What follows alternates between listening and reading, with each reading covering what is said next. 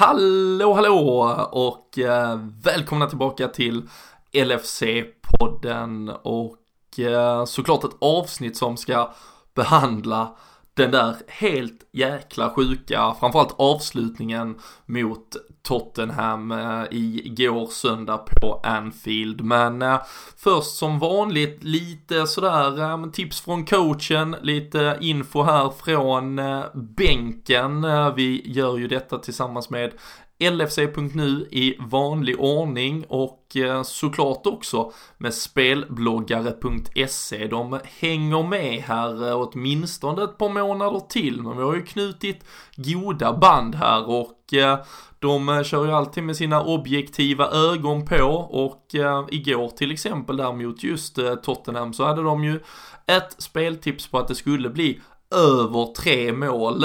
Så ehm, de om någon nu kanske faktiskt jublade när eh, Harry Kane tryckte dit 2-2 men eh, det lämnar vi såklart däran i eh, denna podden. Men som sagt, vill man kunna trots allt tjäna lite deg också i denna fotbollsvärld som vi annars mest bara njuter eller förbannas av så är det ju spelbloggare.se man ska hålla koll på och ta rygg på.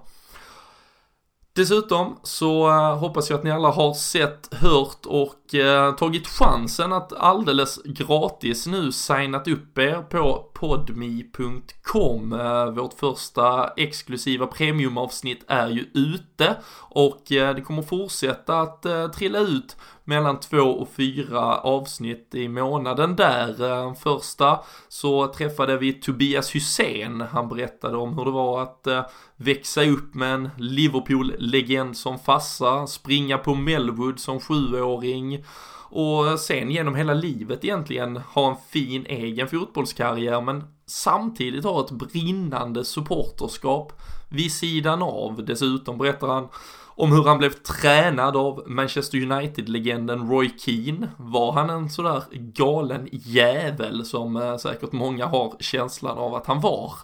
Utan ja, nej, ni får lyssna själv. Eh, stick in på podme.com, signa upp er som sagt helt gratis första månaden. Ingen bindningstid heller så det är bara att avsluta om ni känner att det inte håller måttet efter de första avsnitten den, men annars kan ni hänga på och då kostar det bara 19 spänn i månaden. Och ni får som sagt mellan 2 och 4 avsnitt. Vi kommer variera oss lite, vad det är tid för, vilka säsonger, vad som händer. Det kommer vara intervjuer, det kommer vara resereportage, det kommer vara djupdykningar i spelare, ledare, viktiga händelser som har format vår fantastiska klubb. Men eh, nu tar eh, jag en eh, klunk vatten, andas ut, ni sätter er till rätta och så förbereder vi veckans avsnitt och välkomnar in Daniel Forsell och Fredrik Eidefors.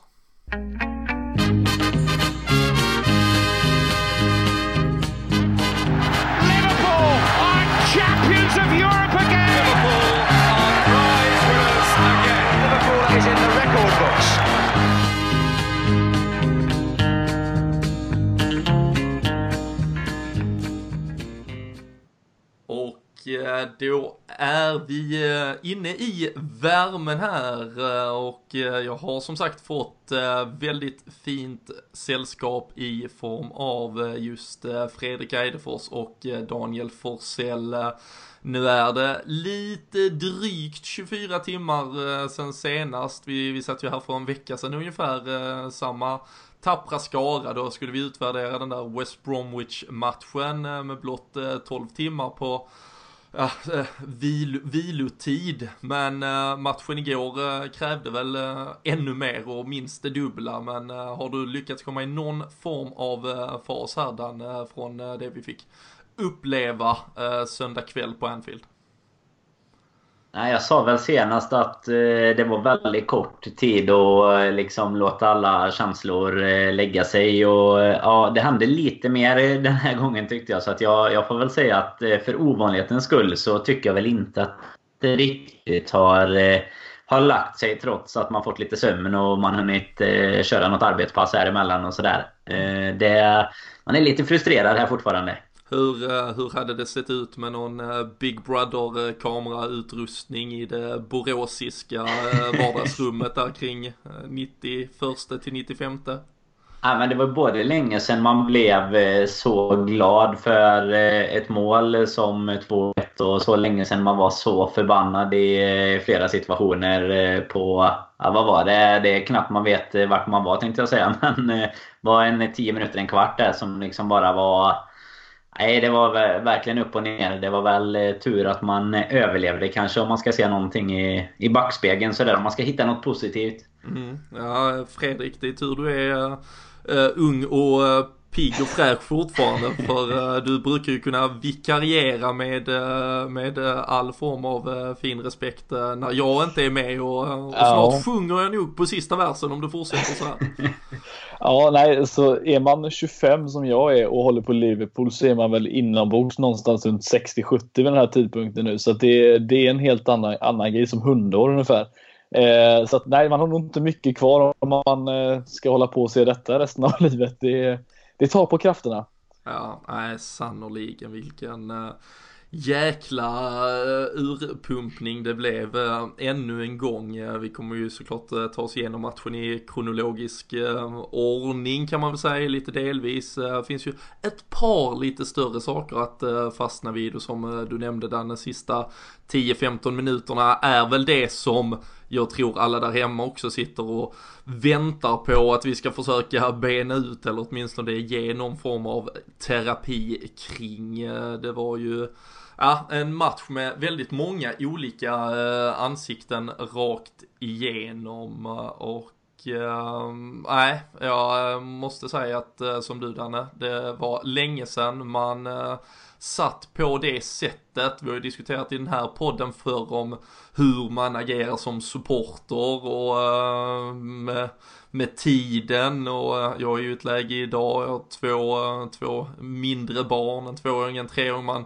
man måste sansa sig något sånär men eh, 2-1 målet eh, när man kände att de höll på att råna oss eh, och då menar jag framförallt domarteamet redan innan dess.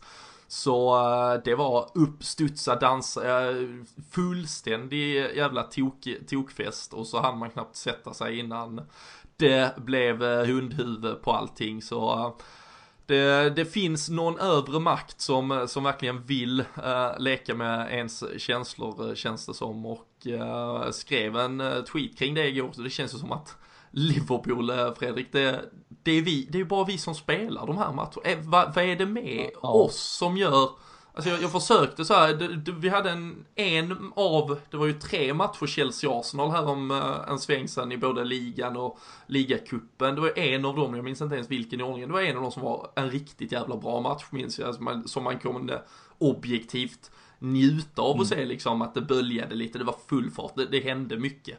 Men annars, jag har inte, inte en enda toppmatch uh, som jag kan knyta an till från den här säsongen på något annat sätt. Nej, nej men det, det är verkligen så. Det, jag, jag, tror väl att det har att göra med någonting som man har sett några tidigare gånger när folk säger att vi, eh, vi sålde vår själ i Istanbul. Eh, på något sätt att vi får eh, liksom, ja, vi får skit för det nu i efterhand. Det känns ungefär så att det, det är bara vi som kan vara med om sådana här grejer eh, under en så pass, under en säsong så är vi med om det flera gånger dessutom. Så att man börjar ju undra om det, var, varför det blir som det blir. Men det är väl därför vi sitter här så vi kan eh, försöka gå igenom vad som gick rätt och vad som gick fel. Men eh, nej, försöker man se det objektivt så, så eh, måste det varit en helt fantastisk match att kolla på, även fast man eh, inte kan göra det förrän om några veckor kanske möjligtvis. Även, eh, ska ju sägas, eh, nu, nu var vi visserligen i den ledningen i eh, drygt några sekunder där på slutet, men vi ledde ju även med 1-0 ganska länge. Tionde matchen den här säsongen Fredrik, där vi leder efter den 65 minuten utan att rida hem det. Ja, ja det, det, det är fascinerande och eh, gårdagen får man ändå säga att man, man kan väl sätta något finger på att det har att göra med att eh, alla såg extremt trötta ut. Eh, verkligen alla och även de som brukar springa väldigt mycket, de som, som Firmino och liknande, de såg ju helt de gick ju på knäna mer eller mindre så att eh, Eh, ja, man får väl säga att det måste ha haft någonting med det att göra, men annars så, ja, vad ska man säga? Ja, oroväckande äh, ändå ja. någonstans såklart.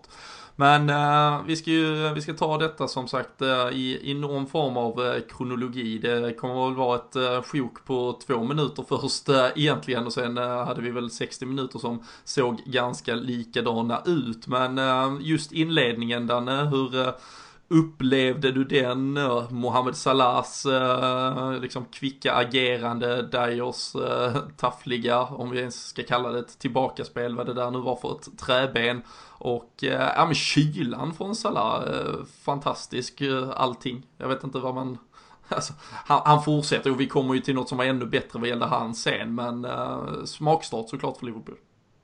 Ja, men det var det ju. Och det var väl eh, något sånt som man älskar att se. Alltså, det är också en sån grej som känns som det ofta händer oss annars, tycker jag. Att man kanske är lite okoncentrerad i någon situation och så släpper man till något. För det var ju ganska, som du sa, därefter var det inte särskilt mycket lägen fram och tillbaka. Och just att få en sån start då med, med just rätt kille också. Så alla gör ju det iskallt, eh, det avslutet. är riktigt bra tycker jag.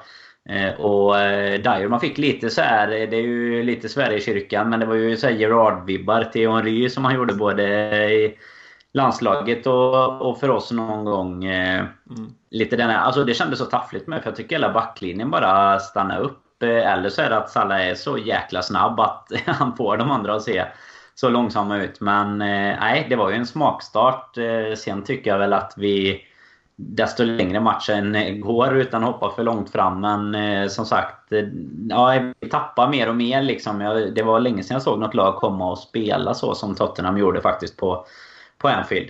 Mm. Jag skulle vilja hylla, eh, eller om vi säger så här då, vi har ju varit väldigt kritiska till hur att vi aldrig mer eller mindre vinner andra bollar i, i, va, i, på våran planhalva när det kommer till att försvara. Men det finns väl inget lag som är så bra som vi är på att just vinna andra bollar och lite ströbollar här och där som ändå ledde upp till det här 1-0 målet. Jag eh, tänker på Firmino som ändå får med sig den bollen i, i eh, duell med Davinson Sanchez. Och, eh, nej, det känns som att man, man, man får verkligen nytta av det och får utnyttja de här misstagen som vi gjorde mot City till exempel och nu även då mot mot mm. Tottenham i början. Så det får man ändå hylla att vi...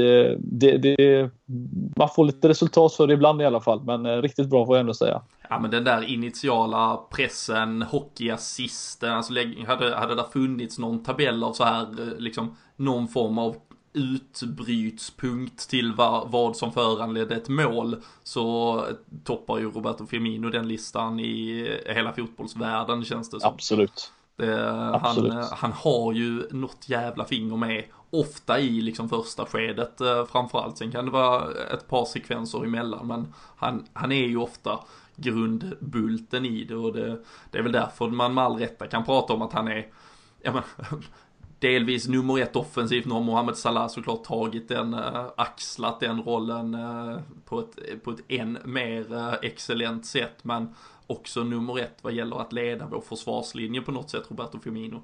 Och eh, nej, det är ju fantastiskt när det ger resultat. Tror du att det förändrade Liverpools approach, Fredrik? Hur vi la upp det? Blev det ett lite mer, ja, faller man naturligt två steg tillbaka?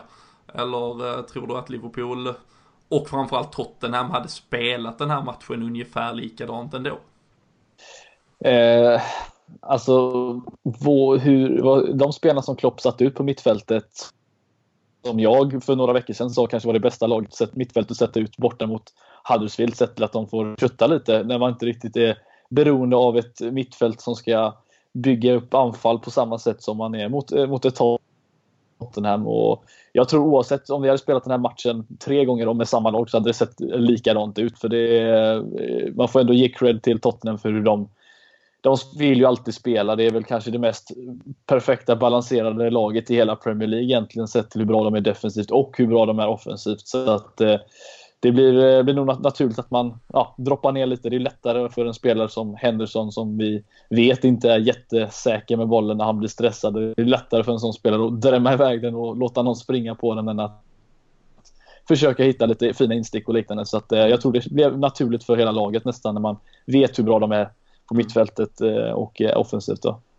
Och vi fick ju sen eh, som sagt i stort sett en, en timme nästan av Ja men där, där, där det var en, en stillbild i stort sett, man såg i stort sett samma typ av, av match. Det var inga extremt heta målchanser, det var ett Tottenham som Ja, visst, till och från Liverpool tog ett, en del mark i vissa stunder, men det kändes som liksom, det var Tottenham som kanske ändå ville lite mer. Liverpool ville ligga beredda på att kliva om de fick några möjligheter, men det var två väldigt ja, systemstarka lag här kändes det som. Och det kändes egentligen som att och, och det, jag liksom såhär, när jag har efterarbetat det så fattar jag att nog så inte var fallet. Men, men det kändes spontant när jag tittade på matchen så kändes det inte som att det var den där eller det var ju inte rock'n'rollen som mot City, men det kändes inte alls som att tempot var detsamma heller. Men när man sen plötsligt tittade på spelarna efter 60 minuter där, eller man tittar på en Jordan Henderson, man tittar även på en James Milner med flera.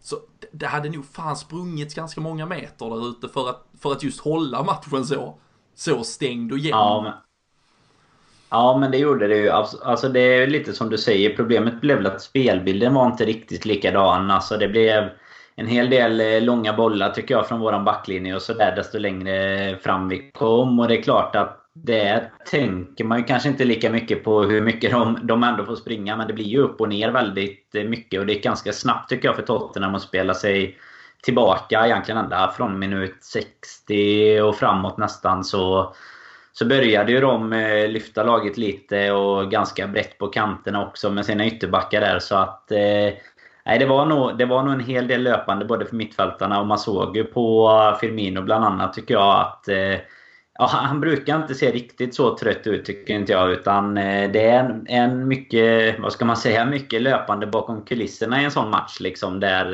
ja, bara för att hålla lite press fortsatt på Spurs egentligen. Mm.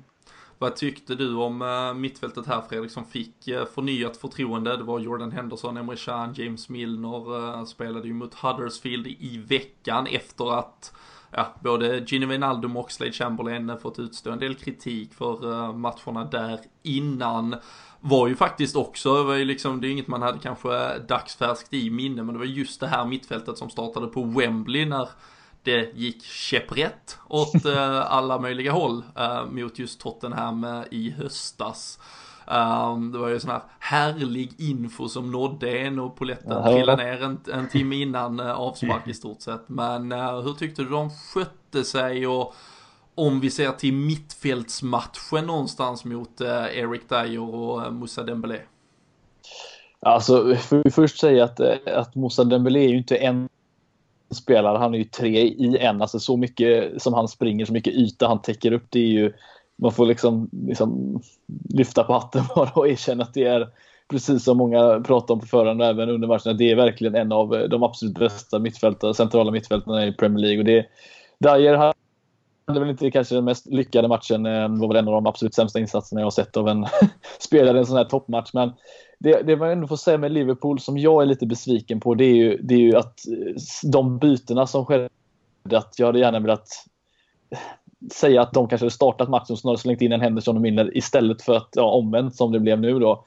Eh, för det, det, känns som att de spelarna är gjorda mer för att stänga av matcher, döda matcher på ett annat sätt än vad en Wijnaldum och, eh, och en Chamberlain är. Så att, lite besviken från början men samtidigt får man ändå säga att de, det var inget, taktiken var ju inte att ja, köra över dem på det sättet eh, offensivt utan det var ju att stänga ner dem så mycket som vi bara kunde och det får man ändå säga att de gjorde faktiskt väldigt bra. Men eh, det, det kom ju en gräns som sagt runt den 65 70 minuten då de, det, det orkades inte med helt enkelt. Jag tyckte det var män mot pojkar nästan i hela andra halvlek tyvärr. Och det var mm. väl ett tecken på att vi förlorade mittfältskampen i hela andra halvlek mer eller mindre. Mm.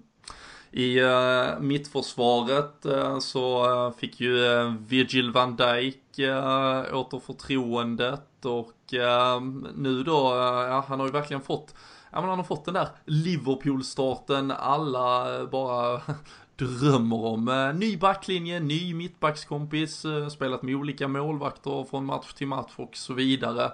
Denna gången med Dejan Lovren, eh, Danne, hur tyckte du att det kändes? Det har pratats mycket om att, ja, när väl en ny mittback kommer in, då kommer vi få se hur bra Joel Matip är. Uh, men det är ju många känns det som, som har reviderat den åsikten på senaste och nu blev det Lovren som fick chansen istället och uh, finns väl fog för att påstå att detta skulle kunna vara en minst lika bra kombination faktiskt som uh, någon annan.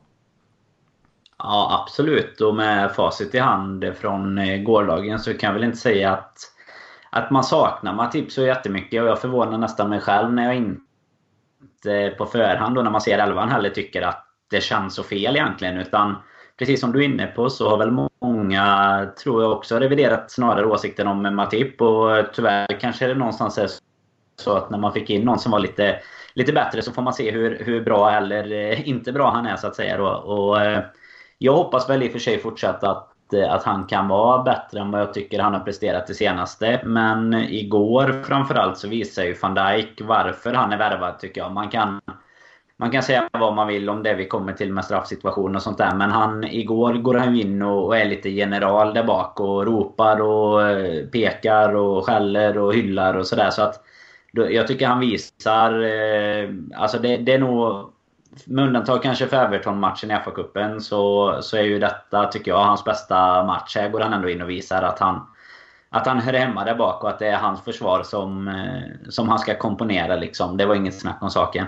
Det var ett lagkaptens eh, framträdande nästan, tycker ni inte det? Att det jo, känns som att det var det. den här liksom, eh, pondusen där bak som att eh, här är det fan det jag som bestämmer. Och, eh, ja, men det, det, det kändes väldigt positivt som sagt. Det, han har den auran runt sig. Eh, Nej, och sen samtidigt, du har, vi har två högerbackar som, som kommer att eh, växla in och ut. Vi har eventuellt två vänsterbackar som kommer att göra detsamma. Uh, uppenbarligen vet inte Klopp om han tycker att Lovren eller Matip kommer att vara det bästa alternativet. Han kommer säkerligen till och med ge Ragnar Klavan uh, någon chans uh, med honom.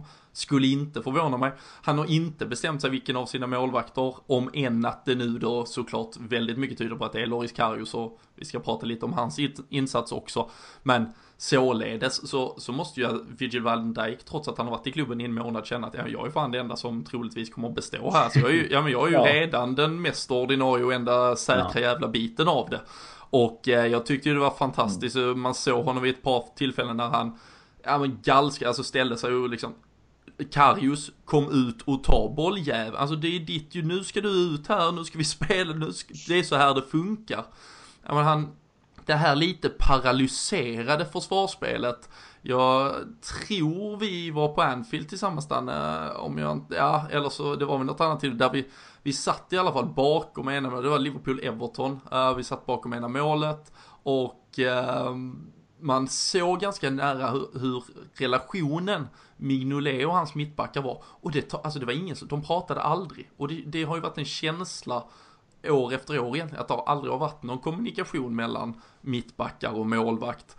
Och vilket har gett, man har ju inte riktigt vetat ens vem som är mest dålig och mest fel på det. Utan det känns som att, ja men det, det har hela tiden bara varit en fara, liksom här accident waiting to happen och ja, någonstans blir det. Men eh, jag tror att van Dijk känner nog att, och han har säkert fått det mandatet också, det får man ju hoppas att, ja men gå in, styr upp det, ta för dig, det kan gå åt helvete ett par gånger, men på sikt så kommer det här ju såklart vara det enda rätta. Och eh, jag tyckte man såg det på honom igår flera gånger när han valde att liksom bara gå rakt in, peka med hela handen att nej men det här är inte att diskutera, det är så här vi gör. Och nu kör vi. Och eh, som ni säger, kaptensmaterial och det, det tror jag han kommer verkligen vara på tapeten till att bli eh, kommande säsong eh, om, eh, beroende på vad som händer. Men jag, jag, jag, hoppas ju inte att Jordan Henderson ska ses som en ordinarie startspelare från nästa säsong. Men oavsett vilket så tycker jag att auran han har kring sig också, van Dijk, är väldigt mycket mer eh, kaptensbaserad än eh, vad, vad gäller. Det är ju, det är lite, jag vill säga, det är lite tråkigt också att det var hans fjärde match nu för Liverpool och han har liksom spelat med fyra olika uppsättningar där bak. Vilket, alltså, hur kan man ens komma på tanke att kritisera honom efter de här matcherna? Som en, alltså, ja, man har ju läst lite återigen. Han har ju ja, han var inte jättebra mot West Bromwich och visst det kommer något senare tillfälle här vi ska prata om honom. Men att spela med fyra olika målvakter, och, och eller inte målvakter, och, ja, olika uppsättningar där bak med målvakt. Det, det kan inte hjälpa honom överhuvudtaget att försöka komma in i det här på något sätt. Han vet ju inte hur de här spelarna fungerar.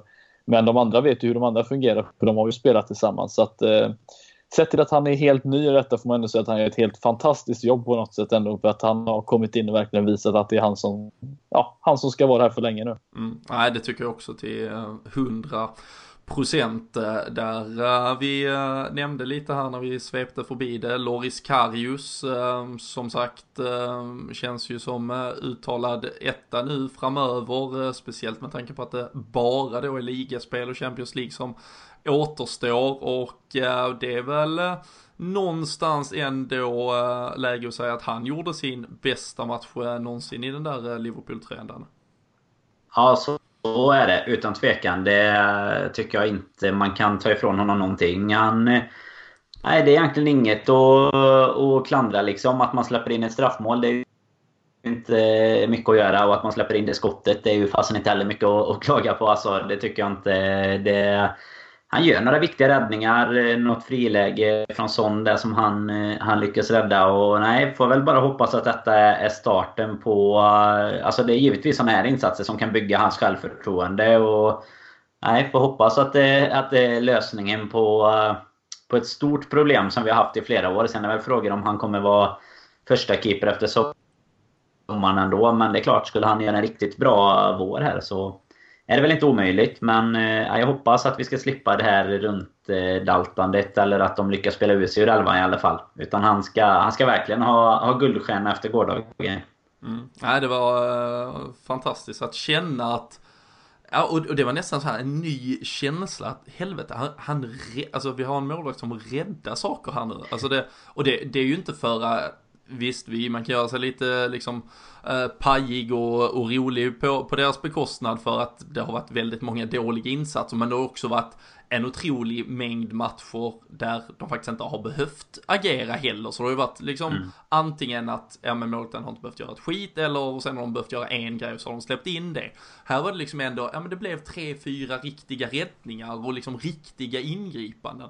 Uh, det visar väl också någonstans att det kanske är ganska mycket lättare att vara en målvakt i de lägena. För liksom, han får släppa in något nu men han får göra ett par räddningar. Alltså, liksom, det, det, blir ju ett helt annat målvaktsspel än det som man till vardags ser i Liverpool. Men det, det är ju, mm, det ska ju funka över såklart eh, både 20, 30, 40 och kanske 50 matcher eh, för eh, en och samma målvakt. Men absolut riktigt skönt att se och det var väl egentligen eh, det man kan läsa sig till där ute i vimlet, eh, hans utbuxning vid eh, Vanjamas, eller det som föranleder att Vanjama får läge till att borra upp den i hans kryss. Jag vet inte hur du tolkar det Fredrik. Det, dåligt som målvakt att uh, lägga ut den där eller uh, jag känner själv att han får den så pass långt bort ändå. Mm. Där är så pass många Liverpool-spelare emellan som kan skarva den vidare eller sen blockera ett skott eller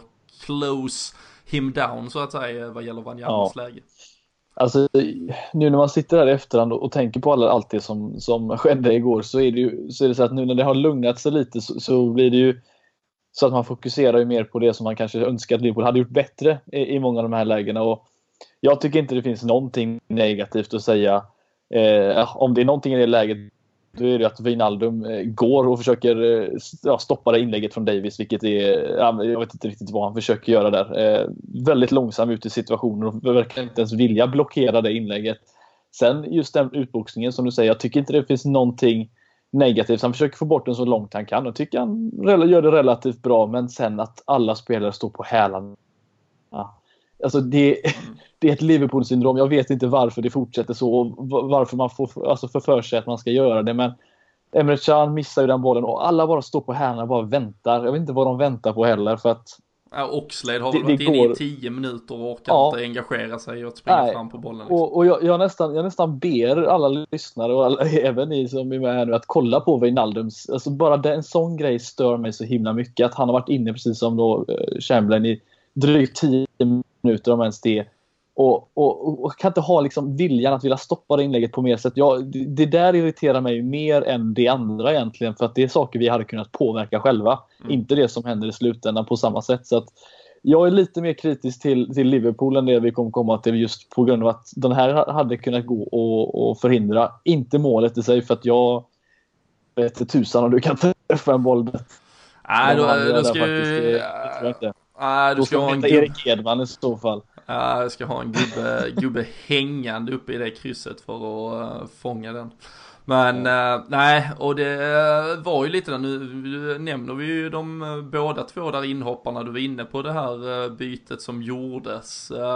Dan, hur tyckte du? Det är ju något vi har pratat om flera gånger i den här podden också med Klopps fingerspitzgefühl eh, och hans eh, matchcoachning. Eh, ofta kritiseras han ju för att han kanske inte gör bytena. Det står 0-0, det står 0-1, man känner att vi vill mycket mer.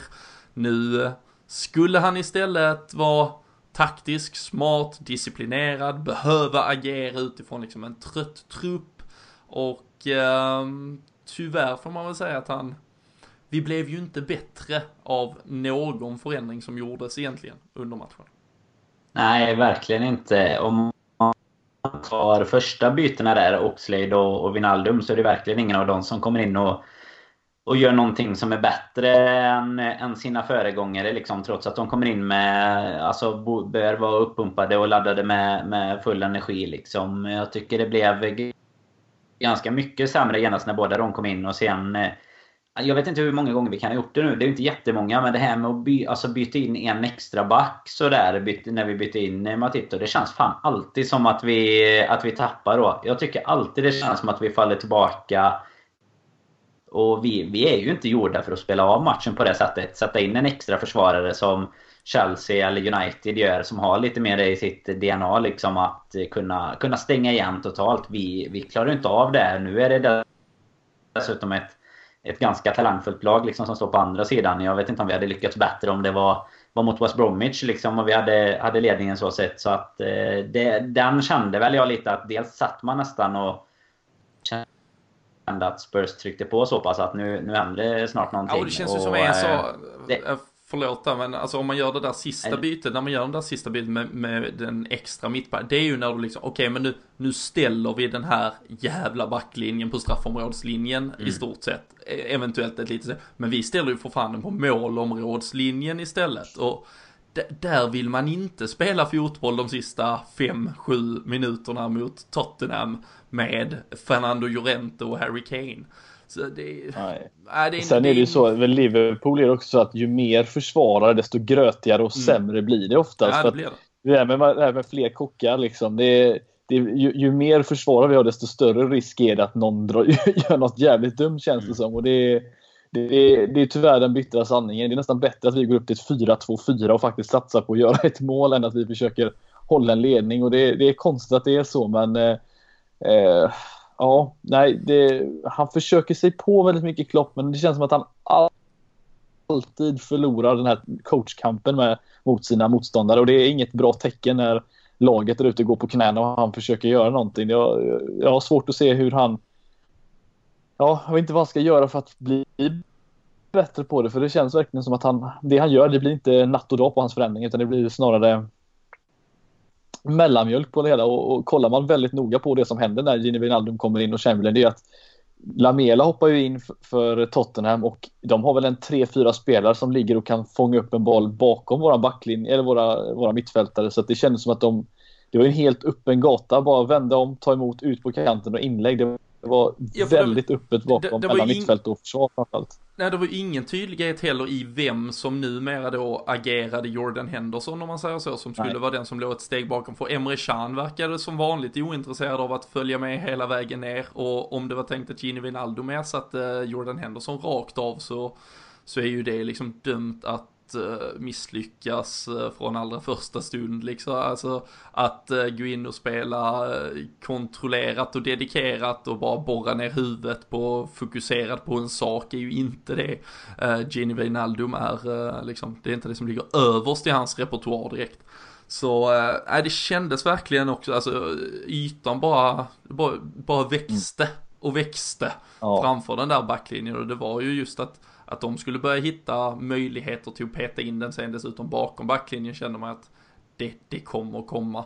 Eh, eller då ett skott utifrån och det är ju, det är ju så de till mångt och mycket eh, straffar oss där i slutet. Ni var inne på att eh, Roberto Firmino såg trött ut ganska tidigt också. Vi har pratat om de bytena som gjordes, byten som däremot inte gjordes och som jag känner att man med en annan trupp, vi har pratat om detta, kanske hade gjort eh, är ju att man hade släppt på en ny anfallare för att också behålla ett hot, behålla någon som kunde ri, liksom kan riva på lite, hålla bollen uppe och så vidare.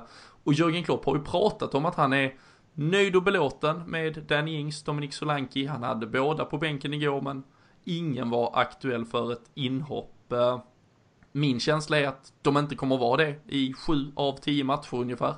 Utan vissa matcher vi har helt avspelade. Visst, någon gång när vi ska jaga ledningsmålet kastar man väl på allt man har och så vidare. Men eh, har han stått och blåljugit för oss, eh, Danne, att han är nöjd och belåten med detta? Eller, eller tyckte han bara att eh, Roberto Firmino var, var uh, up for it för att köra 96 minuter igår?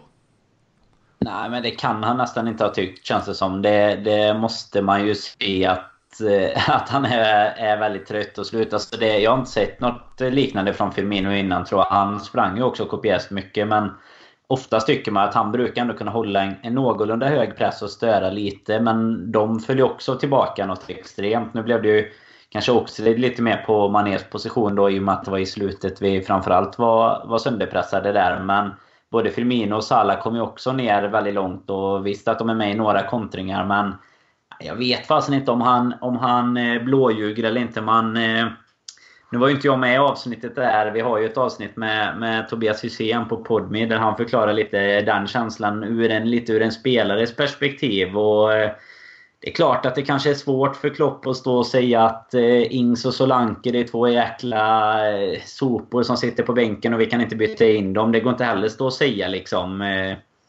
Jag vet inte om han... Ja, det kanske är en vit lögn kanske det är då. Inte, han blåljuger inte men det är en liten vit lögn för att inte döda... Ja men det var ju li, ja, li, lite som när Rafa Benitez med en dåres envishet alltid slängde in David Ngog i slutet för att visa det här är det enda vi har bakom. han gjorde ju mål i alla fall. Till och med. Ja, nej, jag hade nästan hellre, jag hade kunnat tänka mig att sett, eh, alltså slängt in Ings, springa som en eh, störig bålgeting där uppe och pressa lite istället nästan för eh, för typ Wijnaldum. Eh, nu var det väl, det är svårt att byta in mot en mittfältare om det nu kändes som att det var just Henderson och, och Milner som var trötta. Men eh, nej, det, det, vi tappar ju mycket på, på det här att Firmino och de här, när de inte orkar pressa. Och då tänker jag väl framförallt på på Firmino som ändå styr det någonstans. Salah sparar väl sig lite mer till kontringarna känns det som. Eh, ofta men... Eh, Nej, vi, vi kan ju inte låta ett lag komma och, och spela så mot oss. Det, det, klarar vi inte riktigt av. Vem skulle du slänga in bilden av Solanke och Ings i det här läget? Om du fick uh, välja? Uh, jag, jag hade ju slängt in Danny Ings uh, i så fall. Det, för att?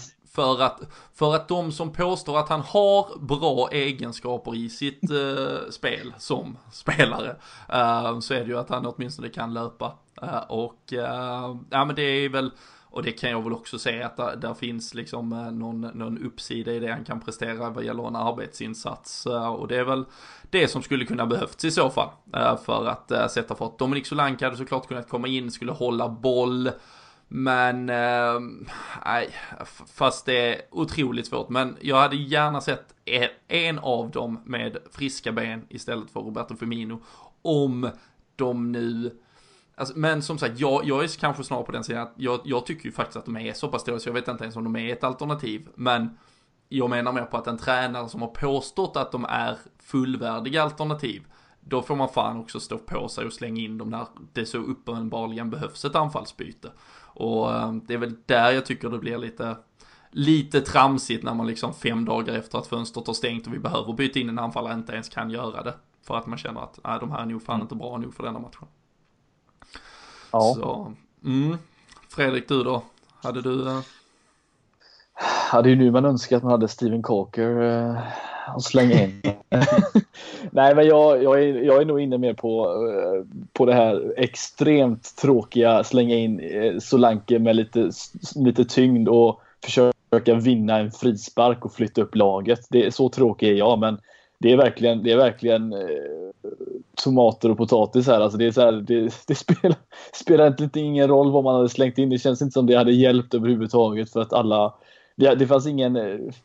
Den här taktiken som, som Klopp hade försökt hålla nu efter de här minuterna trots att det stod 1-1 och sen då även nästan 2-1 till, till, eh, till Tottenham så det spelade inte spelat någon roll för de spelade under panik att bara slå iväg bollen och då, då spelar det ingen roll vem som står där uppe känns det som utan eh, nej det var han blev nog rädd och ville bara hålla, hålla segern men det, det blev ju något annat.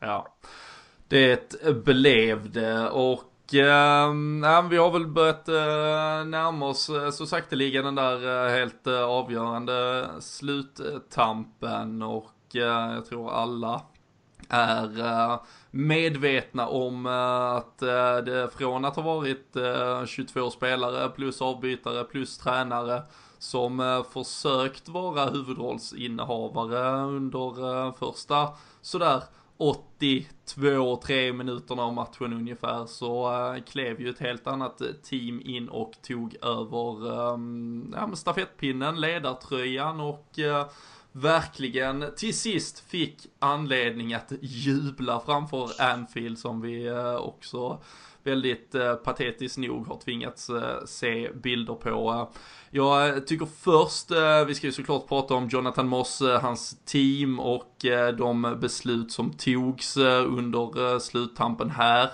Men eh, tycker också att vi någonstans måste stanna i den generella eh, domarinsatsen som jag tycker återigen är så fullbordat utom all jävla värdighet för den här ligan att eh, Ja men det är rent ut sagt eh, skandalöst. Uh, vi hade kunnat liksom, vi hade kunnat ta bort de sista 15 minuterna. Jag hade tyckt och tänkt och sagt exakt samma sak. Jag uh, kollade igenom mitt Twitterflöde igår. Jag konstaterade det efter 23 minuter i matchen. Så det var ju långt innan uh, allt bröt ut till fullo. Men matchen igår, kanske två av absolut Englands, kanske till och med Europas starkaste lag vad gäller liksom högintensiva löpningar, ett omställningsspel, ett pressspel. Det är full jävla fart och fläkt. Det är spelare som spenderar dag ut, dag in på att just springa ifrån en backlinje, ta bollen, sticka så fort de kan i 50-60 meters löpningar. Och så ska det här dömas, avgöras. Det är två lag som slåss om den där Champions League-platsen med miljoner, rent av miljarder i potten av Jonathan Moss. 47 år gammal, kondition som inte ens Amazon... Daniel Sturridge orkar med. Nej, ja men det, det alltså det är liksom, liksom jag, man, jag ska inte sitta och liksom kalla honom eh, lönnfet eller att han eh, dricker eh, konjak kvällen innan match, men han har ju en jävla pub-aura runt sig eh, som som inte helt, alltså det, det hjälper ju inte honom om vi säger så. Och där är Nej. ju idag ett äldre garde, det är en eh, Neil Swarbrink, Kevin Friend, Lee Mason, alltså det är så jävla genomruttna dummare att det är en skymf mot oss, tycker jag, som faktiskt håller uppe Premier League genom att betala alla jävla tv-pengar och annat vi gör. Att sen få se de här typerna avgöra matcherna. Och eh, där vet jag ju att eh, ni delar de åsikterna. Vi, det har vi diskuterat fram och tillbaka flera gånger. Men eh, hur kände ni under matchen? Kände ni att det... Alltså jag, jag gick helt ärligt och bara väntade på att äh, det här kommer nog fan skita sig. Och då tänkte ja, jag inte det... ens på Liverpool. Nej, nej, men alltså man märkte redan det när, när eh, efter Davids och, Davis och eh, Trent Alexander-Arnolds deras första, får man kalla det, kollision eh, mer eller mindre, mm. där båda går in rätt tufft men där ganska uppenbart Davis är den som håller uppe foten på ett, på ett extremt farligt sätt. Eh, även fast Arnold, eller ska vi, ska, jag, jag säger Trent, jag orkar inte uttala det. Trent eh, kommer in eh, eh, ganska tufft även han, men det är inte han som gör det fula. Och sen, ja, det ser ju extremt illa ut när, när man kollar snabbt på det som Arnold då blir eller Trent, förlåt mig, när han blir eh, varnad för sin tackling. Men det är liksom, hur kan man först och främst bara missa en sån grej där? Liksom, det är två identiska ja, tacklingar mer eller mindre, eller farliga spel och det är en som går därifrån varnad. Alltså, ja, det, det är liksom nivån, som du säger, den är så låg. Och, och sen allt ja, som han, händer han, därefter. han orkar ju inte ens vara nära situationen. Och, det, och det är ju helt, det är ju fullt förståeligt. Alltså jag förstår ju det. Alltså tro mig, när jag är 47 år kommer jag inte orka springa efter 24-åringar som spelar Nej. fotboll. Alltså, Men man får ju undra liksom, vad, vad händer med en Klettenberg till exempel? Vad, vad, vad fan, man ser ju bara han kommentera grejer i efterhand nu, men liksom sådana som, som var i den här, liksom, vad är det, 30 30-årsåldern, Michael Oliver, eh, liksom Howard Webb saknar man ju för fan. Han var ju, man hatade ju honom så in i bomben på grund av allt som hände med United under den tiden. Men det, det är ju sådana människor som ska springa runt och, och, och liksom, ja, äga de här matcherna på ett, på ett väldigt positivt sätt. Och man, det finns ju även klipp där liksom Howard, Webb, Howard Webb springer ifrån spelare för att han är så fit. Han har så bra kondition, men jag vet Mm. inte riktigt, som du säger, Moss han är ju Nej, han, han ser inte ut att höra hemma på en fotbollsplan överhuvudtaget. Det är, det är tråkigt. Nej, det Men sen är det så jäkla tråkigt just när de tappar matcherna på det sättet som du är inne på med de olika situationerna där. Alltså, det, det skapar ju en viss frustration eh, hos alla spelare. Liksom. Det, det, är fin, det är ju någonstans, varje match är ju där för domaren att någonstans sätta, sätta en nivå liksom. Och här satte han ju den så jäkla fel och sen bara fortsatte ju förfallet egentligen. Men man kände ju, det är ju som du är inne på Robin, där att det är ju givetvis de sista 10-15 som, som man kommer att, att älta i all oändlighet. Men det är ju, även om man tar bort dem så är ju domarinsatsen under all jävla kritik alltså.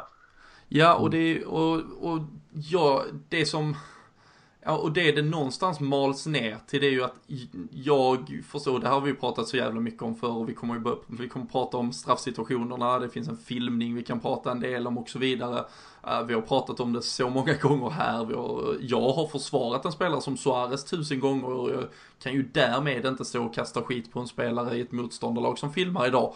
Och jag förstår spelaren till 100%, alltså det är ju som, ja men det är som barnet hemma som plötsligt, ja men mamma och pappa ser inte vad jag gör, ja men då gör jag något jävla skit. Vet man att Jonathan Moss, ja men han, han ser, han kommer att behöva gissa. Han kommer inte orka, han kommer inte hinna.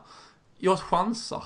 Alltså det, det blir ju, har du däremot en domare som ligger där fan och flåsar dig i ryggen när du tar en löpning förbi backlinjen. Ja men då, då tar då, då slänger du inte dig förrän du vet att någon verkligen har vält ner dig. Men känner du att nu sticker jag ifrån och han kommer ligga 30 meter bakom. Ja, varför inte? Det kommer att vara två, tre spelare emellan. Det kommer att vara en vinkel som avgör att han kanske köper det. Så äh, Jonathan Moss och hans gäng där, äh, Mike Dean och ett par till äh, får väl också inkluderas. De, de, de skapar ju tyvärr, alltså jag tycker många vill skylla det på spelarna, att spelarna måste, ja men sluta filma, sluta göra si, sluta göra så. De är fan inte mer än människor som bara vill vinna den här jävla fotbollsmatchen. Det, det hade varit jättefint och de kan ju stängas av i efterhand. Nu är det Englands golden boy, Harry Kane, det kommer absolut inte hända i det fallet. Men de vill ju anamma det på andra håll och har gjort det på ett par uh, spelare redan. Men uh, alltså, det är att sätta en helt och hållen annan domarnivå som ändå är någon form av jävla grundbult i att ja, få, få bättre match och få bättre flöde och få rätt på den här typen av beslut. Och troligtvis också att implementera VAR så snabbt som bara möjligt. Det satt vi också vi tre och pratade om ja, för bara en vecka sedan egentligen när det hade testats på Anfield. Den gången räddade det ju oss och Craig Parson från att begå två direkta fel som han annars en offside, han hade godkänt en, en straff Mohamed Salah får när han är igenom som, som han ska ha helt regelrätt. Men där han också, han ligger fel, för långt ifrån, ser inte det som händer och domarna hänger helt enkelt inte med. Och är det inte möjligt att fysiskt träna upp dem tillräckligt då, ja men då, då måste vi, vi måste ha kameror och vi måste låta dem titta på det. För jag vill inte, och det sa jag redan då, jag, jag vill inte ha en fotboll som har en charm i att det kan bli fel när det kan bli så här jävla fel som det blir allt för ofta nu. Och eh, jag känner att vi bara, vi måste få in det så att vi får svart på vitt istället. Och det du säger också är just med gissningsdelen. Alltså, vi alla vet ju att när du är trött så är du inte 100% med i skallen på samma sätt som du är när du känner dig frisk och, och liksom är igång. Och, alltså, han gör ju väldigt rätt i att, att först och främst varna Delali som för övrigt nu den här säsongen har blivit film, eh, varnad för filmning tre gånger. Mm. Alltså det är helt jävla sinnessjukt att han ens får... Att, ja, och att det att inte kan rendera något... en avstängning är ju helt bisarrt. Ja, ja men verkligen. Så där gör han ju rätt. Men sen blir det ju snarare som att han, när han tänker på Kane där, som för övrigt också har, har de här domarna aldrig sett Premier League förut. Alla vet att Harry Kane alltid faller på det sättet likt så som ja, vi vet Ashley Young gör när han alltid har ramlat sen tidigare. Han svandyker gjorde ju alltid Ashley Young jag vet inte riktigt vad man ska kalla Harry Kane, men han liksom släpar alltid kvar med sitt ben och faller liksom som en fura bara rakt ner. Och det här vet ju vi som sitter och kollar på fotboll. Men att domarna inte kan ha med detta i sina beräkningar. Jag, jag förstår aldrig hur det liksom... Det är som att han tänker att ja, men nu har Dele Alli blivit varnad, nu kan jag inte varna någon till. Så han gissar sig bara fram. Jag förstår inte hur mm. de kan vara domare på den här nivån. Det är helt sjukt. Du menar ungefär som när han tänkte att jag har redan gett en straff, jag kan inte ge en till. Och så kommer linjedomaren och bara ja, Nej, tjena. Nej, men det är, hold my beer. Nej men det är, det är verkligen... Eh, och det, och det här vi säger nu är ju inte egentligen... Alltså jag kan komma upp på med hur många exempel som helst den här säsongen där man har sett andra lag som inte ens Liverpool är inblandat. Man sitter och tänker att tänk om man bara hållit på det laget i det här tillfället. Alltså vad arg man hade varit. Och, det, och jag såg någon statistik från det är alltså från, eh, från april 2016. Då har, alltså, då har de räknat från augusti, 2000, eh, augusti 2015 till april 2016. Då hade liksom Jonathan Moss bara mellan den perioden gjort 13 liksom, nyckelfel som han har dömt. Liksom. Det här var ju för två år sedan. Alltså, du kan ju inte bara tänka hur mycket fel han har gjort på de två åren som har skett fram till dess. Så det, är, det är för mycket vara i fokus och vilja ta över. Det är, det, det påverkar tyvärr allt för mycket. Ni, ni var ju åtminstone lite skeptiska till VAR, eller åtminstone implementationen av det tidsfördröjandet när vi satt och snackade efter West Bromwich-matchen. Hur, hur känner ni idag? Vill ni join the... Danne börjar nu. Vill ni... Join the VAR-team. ja, vill ni över? Nej, det... Nej, men det tar ju sån jäkla tid. Alltså som igår och det tar ju också tid. De ska stå och diskutera. Nu är det väldigt sällan tycker jag som man ser att huvuddomaren och en assisterande står och diskuterar på det sättet och att eh, assisterande liksom tar egna beslut där ute på, på sin linje och sådär. Men eh, nej, ska det, ta, ska det ta den här tiden utan det så kan... Alltså, bring it on tycker jag. Men nu är det ju som du var inne på lite kort innan att det är liksom fyra, minst då fyra supermisstag på två matcher egentligen om man tar West Bromwich och den här matchen. Mm. Så att det, det kostar ju för mycket. Det får inte det är inte charmigt i alla fall. Som vi pratade om. Det är fan det sista ordet som, som jag tänker på efter gårdagen. Mm. Vad säger du Aide? Ska vi, går vi med ja, i, ja. i videokåren? Ja, det gör jag gärna. Alltså, det, det är ju att han önskar... själv ska slippa springa i, när han väntar bara på att det kommer till... Ja, det, men det, jag, det, det man önskar är att det sitter någon sån här liksom, tuff jävel. Ta, ta som Colina som man saknar extremt mycket inom den internationella fotbollen som var den här extremt ärliga domaren som sket fullständigt. Han, spelaren hade respekt. Han kunde säga till om vad som helst. De bara lyssnade.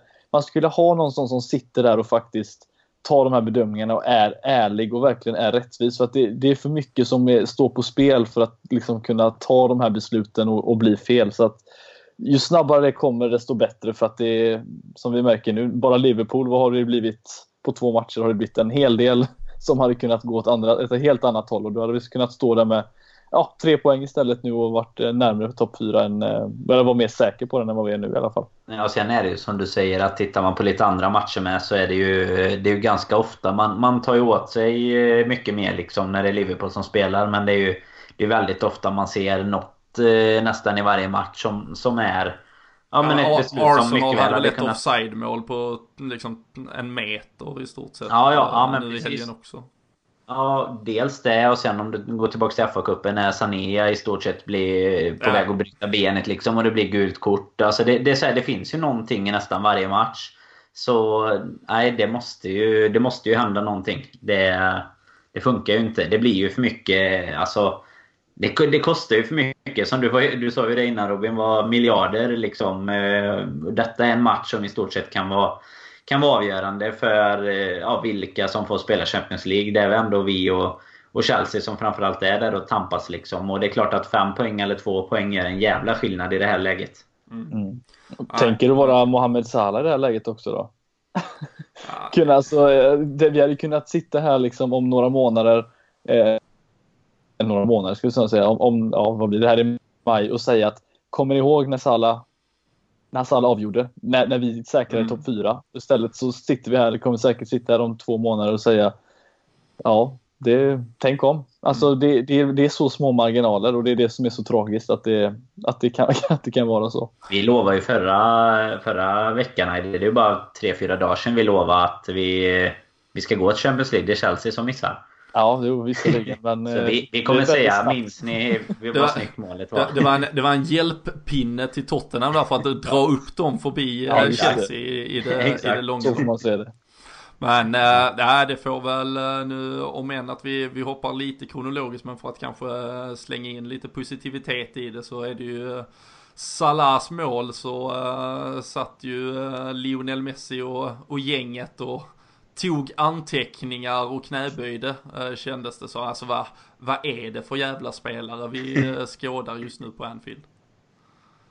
Nej, det är helt sjukt alltså. Det var ju... Det är nu, nu börjar man säga att eh, Messi är Argentinas Sala istället för tvärtom. för det är ju helt sanslöst det målet. Sen kan man väl, eh, hade jag varit Tottenham-supporter hade jag kanske inte varit helt nöjd med typ Vertongen i det läget heller. Men det är otroligt att kunna prestera det i liksom 91 minuten också. Nog att det redan är är tufft och man har sprungit mycket. Men att både tekniskt sett kunna visa upp det men även liksom styrkan och allt i det. Och så, nej, det är vilken jäkla gubbe alltså. Han bara, han bara fortsätter leverera. Sen och har vi ju... gått Ja, jag säga, vi har gått från, vi har ändå gått då från att ha, eh, som jag sa, sprungit på knäna liksom, eh, i, i snart 15 minuter och liksom inte haft en enda målchans och sen lyckas vinna ett inkast högt upp och, och sen, ja, sen är man där och det, det, det, ja, det kräver en hel del innan man ska säga att man, ja, det, det, är mycket kvalitet som krävs för att man ska kunna ta sig förbi det där att man har varit trött, i, varit utspelad under en hel halvlek och sen gör man sådär i matchens mer eller mindre sista sekunder. Det är sjukt imponerande. Ja, nej. Och eh, sen tyvärr då, eh, symptomatiskt, eh, så, eh, så tappar vi ju ändå, eh, som eh, ni har varit inne på, den ledningen. Eh, om än att eh, jag tror mycket liksom av den interna frustrationen med då delvis all rätt riktas mot eh, domarteamet där så, så är det ju ändå den här vi har pratat om återkommande ibland med våra offensiva spelare som kanske känner att de bidrar med något så fantastiskt framåt och så skiter det sig ändå där bak och uh, det är klart som fan att Mohamed Salah går hem och tänker fan, fan Dijk, du skulle inte ens varit i den där situationen och nej uh, men det det är ju, vi vill ju inte se det upprepas för många gånger i alla fall. Vi vill ju gärna att han känner att han snarare just avgör, ger oss de där poängen och att vi flyger eh, tillsammans med, med hans eh, alldeles sprakande form. Eh, nya eh, rekord som eh, sattes eh, igår eh, nådde ju 20 Premier League-mål. Första sen, ja, eh, sådär 1900 frös ihjäl eh, någonstans. Namn man inte ens kände igen, det brukar vara goda tecken på att det var eh, en tid sedan sist det hände. Och eh, det är ju verkligen helt outstanding de siffror och det prestationer. Eh, så även hur han ligger till mot Europas bästa så att säga vad gäller mål och assist över alla liv. Och det, alltså det, det, han är ju eh, absolut upp i eh, toppen. Um, jag vet inte ens, var hade man liksom en, eh, hade man kunnat liksom så här Ballon d'Or prata om honom om, om det fortsätter?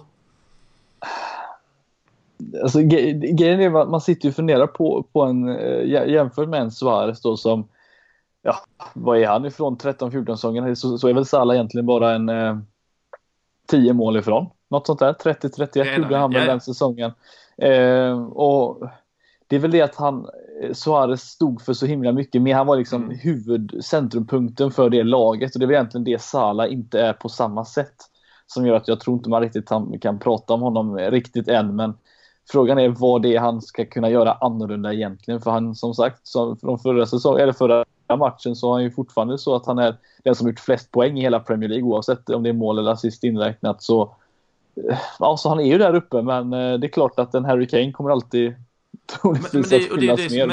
han, så känns så oerhört underskattad. Alltså det är klart, alltså jag, Ja. jag, jag tar ju liksom i sig och spricker om man säger Ballon d'Or. Det är ju inte att han ska vinna den här eh, hux flux, men att det, det, vi pratar ju om ett par spelare som ens ska vara med och utmana. Och, och jag tycker ju helt ärligt baserat på den säsongen han har gjort till dags dato att, ja men topp 10 tycker jag han Ja. är i Europa just nu. Och, och, och där är det ju liksom give and take, det ska röstas om det och, och så vidare. Ett, ett VM där Egypten skulle ta sig vidare från gruppen, han gör fyra mål, alltså han, han kan ju liksom börja eh, liksom veva på kvarnen och äh, även om Leo Messi verkar vara helt ostoppbar och bara fortsätta i all oändlighet Cristiano Ronaldo har ju för, för en gångs skull slått av lite på, på tempot denna säsongen.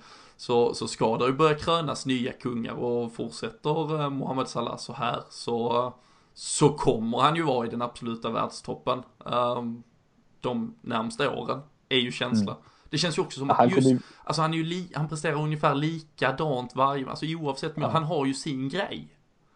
Ja, nej men precis. Han, eh, och, och han kommer väl troligtvis att vinna den där Ballon d'Or i så fall någon gång. Men då kommer han ju ha en vit tröja säkert på sig. eller spela för. Real Madrid. Nej, spela för Real Madrid eller något liknande. Så att eh, Bayern München eller vad det nu kan vara. Så, att, så bra. han- Alltså, han, han kommer ju bli, han kommer ju ta ytterligare steg. Det vet vi redan. Och frågan är vad kan han bli bättre på? Jo, han kommer ju kunna bara göra ännu mer mål för att han, eh, visst han missar inte lika mycket som han gjorde i början av säsongen. Men nej, han, han kommer bara kunna bli bättre och det, det är bara att sitta och njuta för eh, just nu så Ja, nej men just att han får göra det sättet han gör det 2-1 målet, det är ju liksom det, det är så tydligt exempel på hur, hur bra han är och eh, hur mycket, hur, hur modig han är på att göra det där 91 minuten och nej, det, det är bara att bocka och buga för att man får se honom spela i en Liverpool-tröja. Mm. Ja, sannoliken. Uh, Harry Kane ska vara glad att han fick vara på samma plan och se. Premier Leagues bästa spelare från så nära håll igår. Men eh, vi har ju eh, verkligen eh, hållit det på halster, elefanten i rummet, de sista då självande avgörande besluten eh, från, eh, som nog alla redan har kunnat förstå, en eh, Jonathan Moss som vi inte var helt nöjd med och Eh, han, eh, ja, han infriade ju till slut förväntningarna tillsammans med sitt domarteam till råge. Och eh, vi ska ju försöka reda ut alla situationerna först och främst, vad som är så att säga enligt regelboken rätt och fel som man har gjort här och vad, vad det så att säga faktiskt finns att förbannas över. För vi, eh, man ser ju mycket i eh, liksom, sociala medier, det skriks över det ena efter det andra, det är offside hit, det är offside dit och det eh, är, borde varit si så. Och det är ingen straff och det är inget alls och så vidare. Men vi har ju det som leder fram till den första straffen framförallt, där då passen går mot Harry Kane som är i offside-position. Och då ska vi ju förtydliga att det inte finns något fel i att vara i offside-position så att säga. Utan det är ju först när du så att säga ingriper i spelet, när du stör en motspelare eller vinner en fördel. Och med störa en motspelare enligt den tolkningen som numera görs av reglerna så är det inte att bara befinna sig som sagt i situationen utan då måste du verkligen vara uppe och störa honom. Och det gör inte Harry Kane på Dejan Lovren utan Dejan Lovren får ju faktiskt möjlighet att spela bollen. Sen att han spelar bollen så oerhört dåligt och att han troligtvis då spelar den på grund av att Harry Kane finns bakom honom. Men det är liksom inga förmildrande liksom, ursäkter till det. Det gör att det blir en helt ny situation när Harry Kane kommer igenom och således är det faktiskt inte offside. Men sen Fredrik, det som du har varit inne på är väl snarare att det inte är straff överhuvudtaget när han kommer Mm. igenom. Nej, och hur många, hur många gånger man kan se reprisen så Alltså det är så tydligt när en spelare ligger kvar med, med ena benet för att bli träffad. Men Karius gör ju verkligen allting rätt som försöker undvika det där. Och, ja, det, vi har sett honom göra det förut. Eh, han kommer inte bli avstängd, det vet vi redan att han inte kommer bli. Och ja, ja frågan är bara, alltså hade, ja, hade man haft en video assistant referee så Frågan är om de ens hade tagit den eller inte, vad tror ni? Eh, hade de, Nej, eh, hade hade de satt det som filmning eller inte? För att så fort, det, så fort man nuddar så, är det ju, så anser de väl att det är straff. Men det är väl det att ha- han, han lägger sig ner innan och han lägger kvar med benet för att, att bli träffad. Och då, jag hoppas att det är det här man vill, att de ska bli mycket hårdare och liksom se igenom de här grejerna så att inte det får fortsätta. Ja, ja, jag, det här det, är det, en filmning. Ja, det gör, men jag, och jag tycker det helt ärligt är tveksamt om det är en, en touch som, ja men alltså en, en riktig mm. touch. Alltså mm. om det är att, om, om det fladdrar till lite av Karius tröja möjligtvis på en tåspets, men utöver det kan jag inte, helt ärligt och hur ofärgat som helst, som ens till och med liksom tar av mig Liverpool-glasögonen här, inte se det. Och jag tycker Karius gör det riktigt bra för han lägger verkligen ner händerna i backen för att verkligen markera, de är, de är nere, inget uppe och svävar.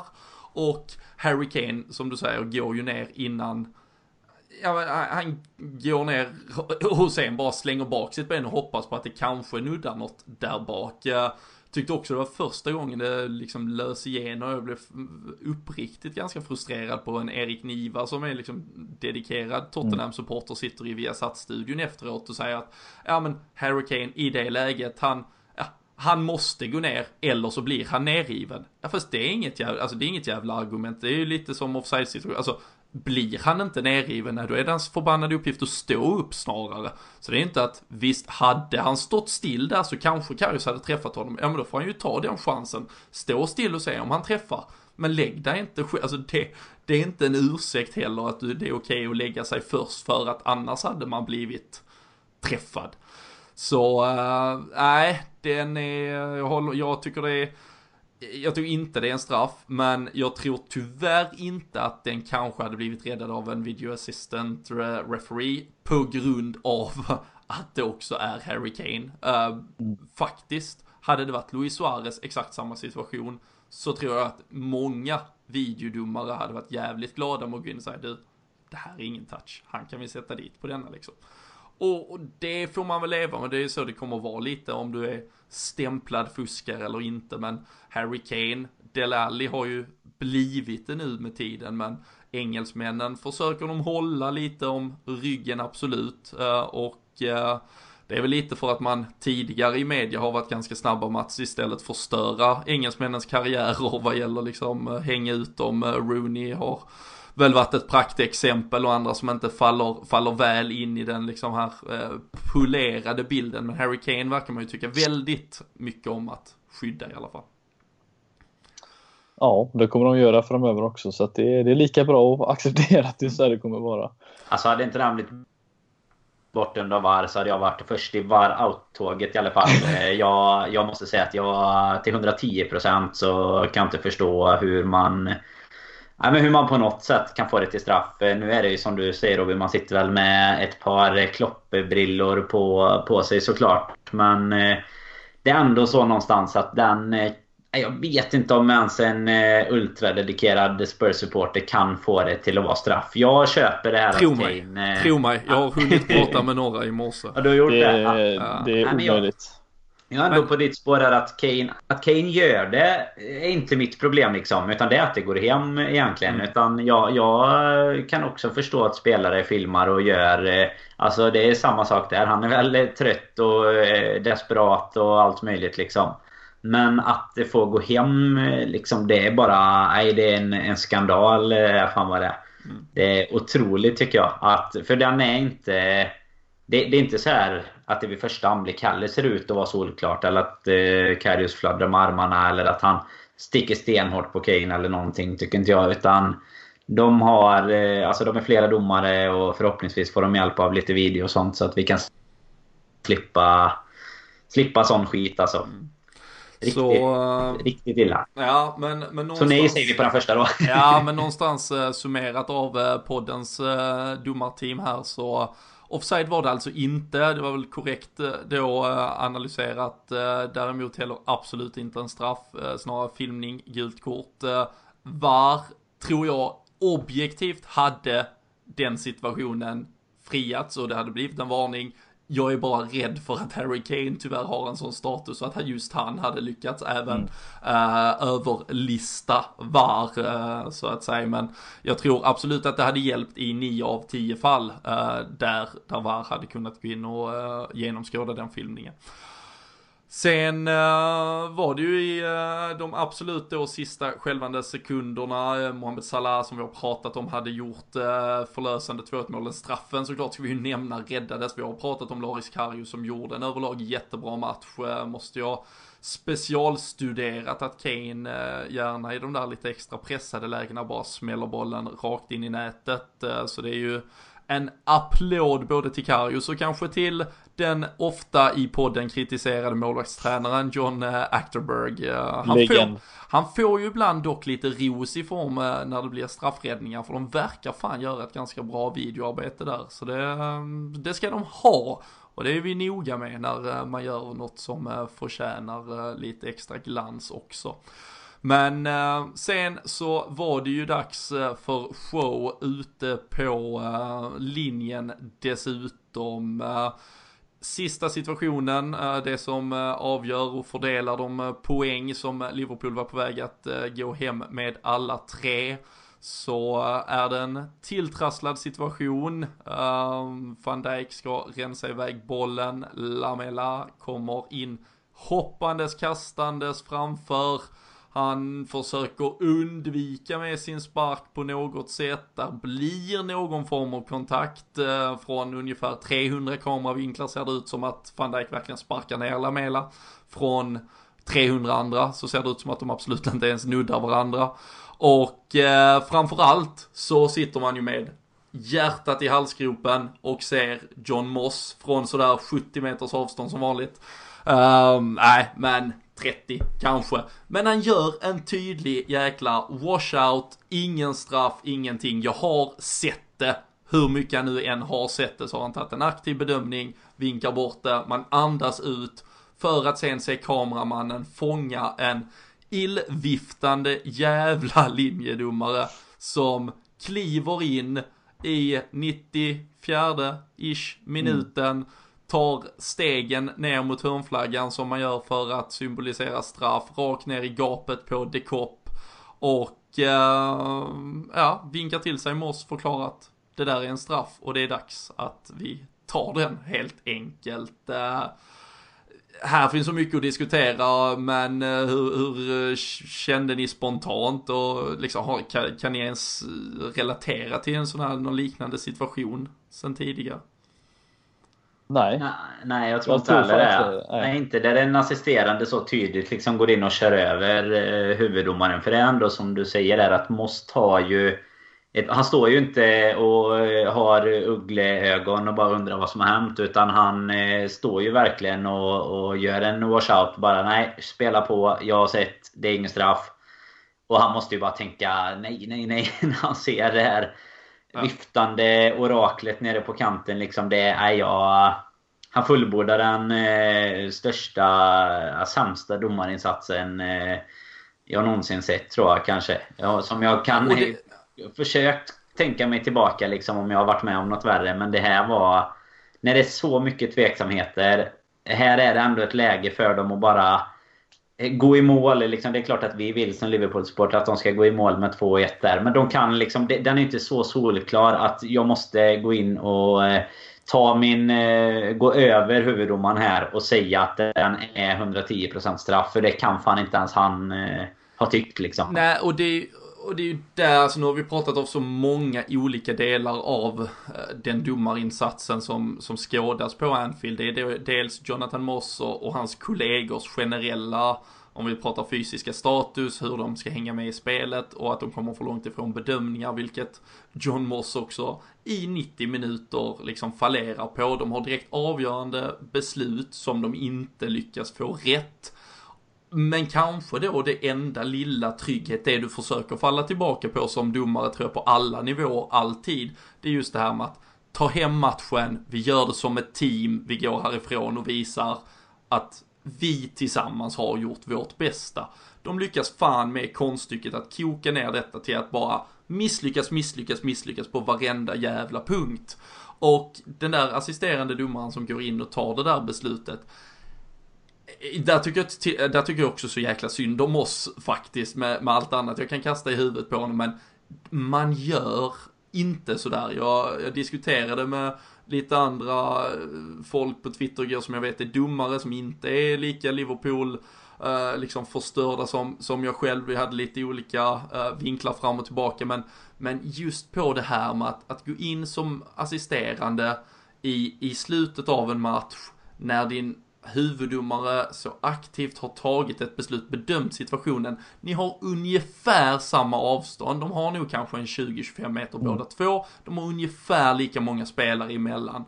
Och den är inte tillräckligt, alltså hade det varit en jävla tröjstrut som stod upp till dekopp, hade det varit liksom mm. ett, en, ett slag i magen, något som Moss verkligen kan ha missat ur en speciell vinkel. Det här är någon form av kontakt med något knäfotaktigt i en rygg, något hopp, alltså det, det är så otroligt många parametrar i det som gör att den är det är en tolkningsfråga. Moss tycker inte. Han tycker. Han har ingen jäv, inget jävla mandat att tycka det mer än Moss. Men när han däremot går in och gör det så är ju Moss tyvärr då snäll nog för att inte skapa mer kaos än vad som redan har skapats. Så köper han det i alla fall.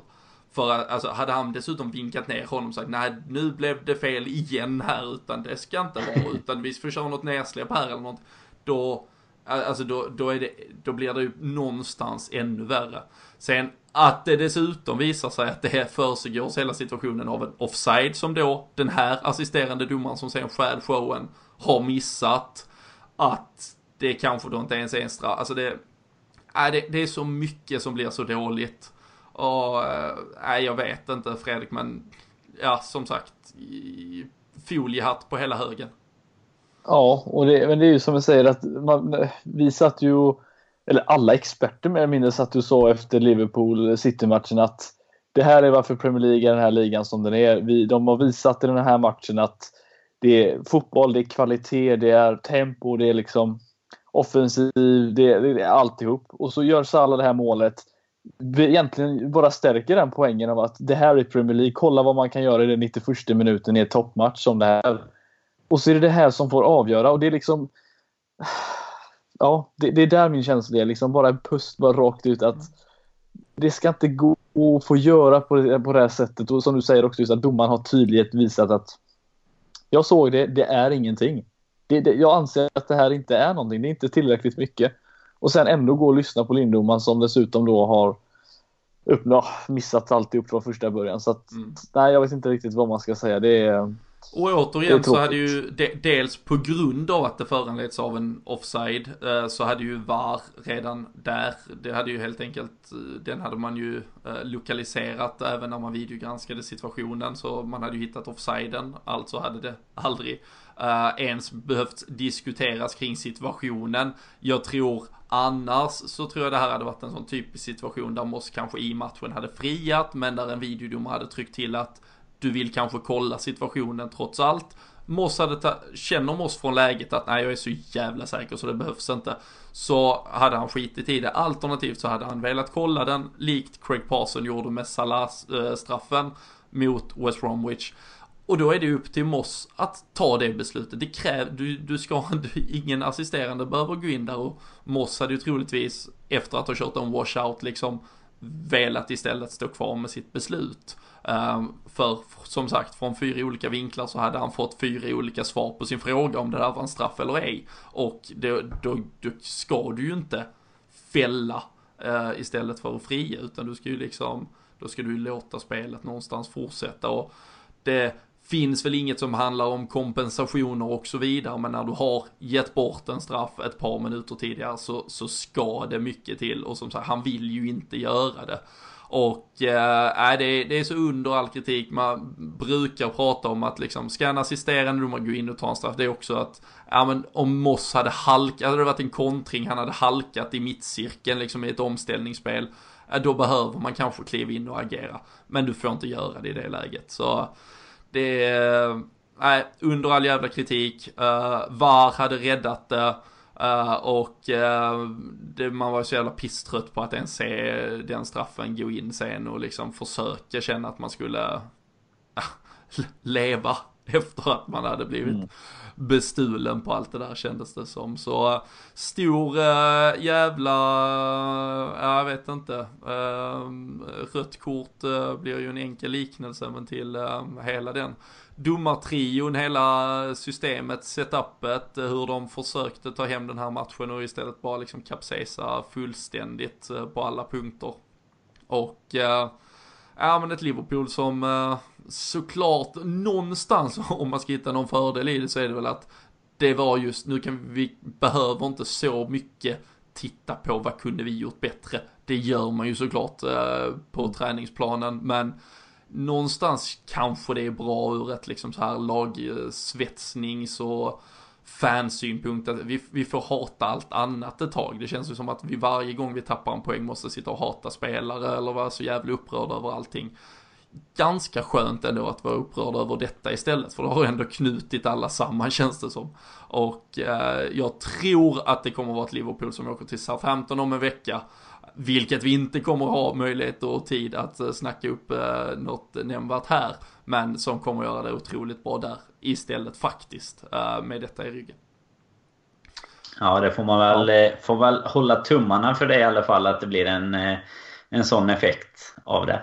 Ja, nej, verkligen. Och eh, som sagt, eh, uppsnack, allt som händer inför den där Southampton-matchen, det kommer ni följa bäst på lfc.nu istället. Ni kan hänga med i våra sociala kanaler såklart. Eh, Twitter, Instagram och Facebook finns vi ju på och eh, det blir eh, resultattävling eh, då också. Jag tycker det är så tidigt, vi vet knappt liksom vilka som är aktuella för att starta och så vidare. Så vi håller på det härifrån men det var bra tippat av flera nu i helgen också. Jag hade en vinnare där på 2-2 med Kane i slutet. Mikael Larsen, så eh, snyggt där och den chansen kommer ju tillbaka mot Southampton. Sen därefter så eh, kliver du ju in eh, i det här rotationssystemet Fredrik vet jag och leder styrkorna efter mm. Southampton-matchen. Du och jag Danne, vi beger oss ju till Porto faktiskt. För att se första matchen i Champions League. Somliga har det gött. Somliga har det fint ja. Det ska bli riktigt trevligt. Kan ju slänga ut en liten... Om det är någon mer som ska ner som lyssnar på podden så får man ju jäkligt gärna höra av sig via, via Twitter mm. främst. är det väl som vi, som vi håller allra bäst koll på. Men givetvis alla de andra med. Men det är enklast och snabbast att nå oss där. Så mm. är man i, i Portugal under nästa vecka så får man väldigt gärna ta kontakt med oss och kanske... Ja, vad är det man... En portvin är det väl i Porto antar jag? Som man får dela på. Det känns eh, givet. Det låter så på namnet. Tidig, tidig väder, eh, väderrapport lovar i alla fall sol och 10 grader på tisdagen när vi kommer dit. Så då kan man väl sitta ute och och, och smutta ett gott vin förhoppningsvis. Eh, så får vi se sen. Så lite mer ostabilt ut framåt matchdagen. Men eh, mycket kan eh, förändras än så länge. Och vi tar ju dessutom med superjinxen Jocke Lundberg så förväntar jag inget resultat därifrån. Men däremot så kan alla ni som signar upp på podmi.com och hänger med på våra premiumavsnitt där förvänta er ett ja, någon form av resereportage. Vi kommer ta med lite, om vi säger bakom kulisserna, hur, eh, hur vi gör eh, när vi fixar sådana här biljetter och tips på hur man kan boka ihop och paketera sin egen resa och så vidare. Men sen såklart också hur stämningen är på plats i Porto, hur känslorna är efter matchen beroende på resultat och lite analyser av eh, staden, matchen, Champions League totalt eh, och så vidare. Ett eh, sånt där specialavsnitt som ni får chansen till att avnjuta om ni signar upp er. Så in på podmi.com, helt gratis första månaden så kan ni bestämma själv sen om ni vill haka vidare för bara 19 spänn därefter. Men med oerhört mycket känslor terapitimme plus 19 eh, i tillägg ungefär så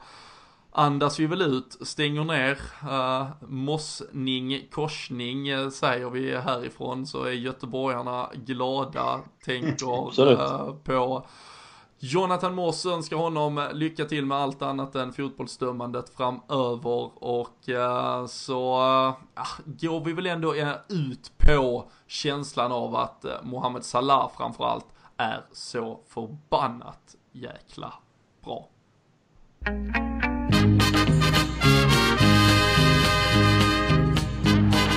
Liverpool are champions of Europe again. Liverpool goal box.